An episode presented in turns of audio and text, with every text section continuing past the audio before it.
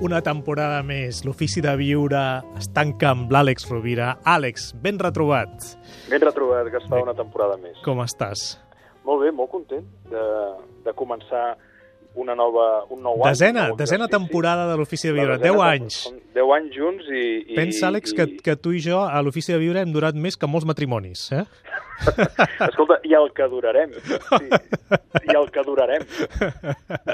Molt bé, doncs escolta, serà un plaer acabar aquest, aquest programa d'avui amb la teva reflexió sobre el principi del deure i el plaer. Tu dius que hi podríem afegir aquí un altre, un altre principi, no? Sí, a més, l'Antoni, com sempre magistral en la seva pedagogia, feia referència, feia l'analogia utilitzant l'anàlisi transaccional. Ell deia que el principi del deure seria l'estat del jo pare, el principi del plaer seria l'estat del jo nen, i afegiríem el principi de realitat, que correspondria a l'estat del jo adult, eh, que d'alguna manera és el que s'encarrega d'escoltar el nen, però també d'escoltar la cultura i els permisos que ens donem per poder satisfer aquest principi del plaer o eventualment per poder gestionar la frustració. Però també el principi de realitat és molt important perquè d'alguna manera és la capacitat de donar-nos d'allò que és. És fugir de les fantasies, fugir de les ficcions, fugir de les falses il·lusions, fugir fins i tot dels prejudicis. El principi de realitat és fonamental perquè moltes vegades ens ajuda a posar en el seu lloc el principi del deure quan aquest pot ser asfixiant, pot ser verinós, i també ens pot ajudar a posar en el seu lloc el principi del plaer quan aquest ens torna, ens porta al narcisisme o a un egotisme excessiu. Per tant, el principi de realitat és quelcom que anem conreant en la vida a base de què? De l'autocrítica, de l'autoqüestionament, de la reflexió, d'un bon treball terapèutic, de la, de, de, de la lectura, de l'estudi, de la formació, tot allò que desenvolupi el nostre estat del jo adult, el pensament crític, la capacitat de prendre consciència, ens ajudarà a, a que la dialèctica entre el principi del plaer i el principi del deure sigui més constructiva, no només per un mateix, sinó per tot l'entorn.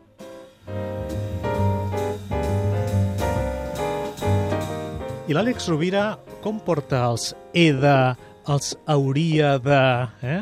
que correspondria una mica al principi del deure?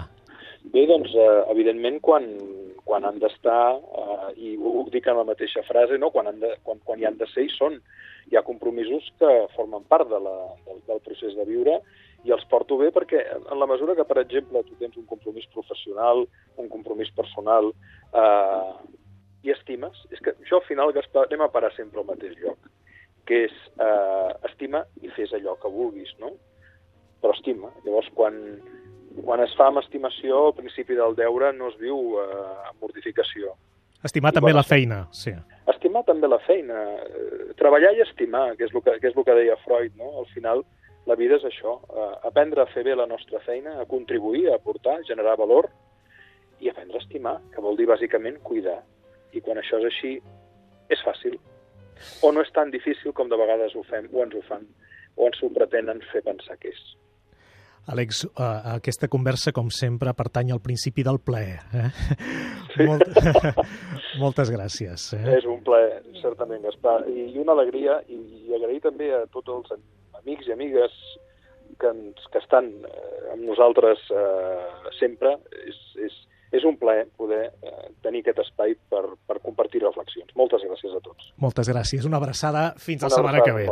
Fins Els oients també. Ha estat un plaer, doncs, començar aquesta nova temporada a Catalunya Ràdio, la Ràdio Nacional de Catalunya. A catradio.cat podeu fer podcast, podeu baixar-vos molts programes de temporades anteriors. Tots són intemporals. Moltíssimes gràcies. Us deixem amb la nit dels ignorants amb en Xavier Solà. Fins la setmana que ve. Una abraçada.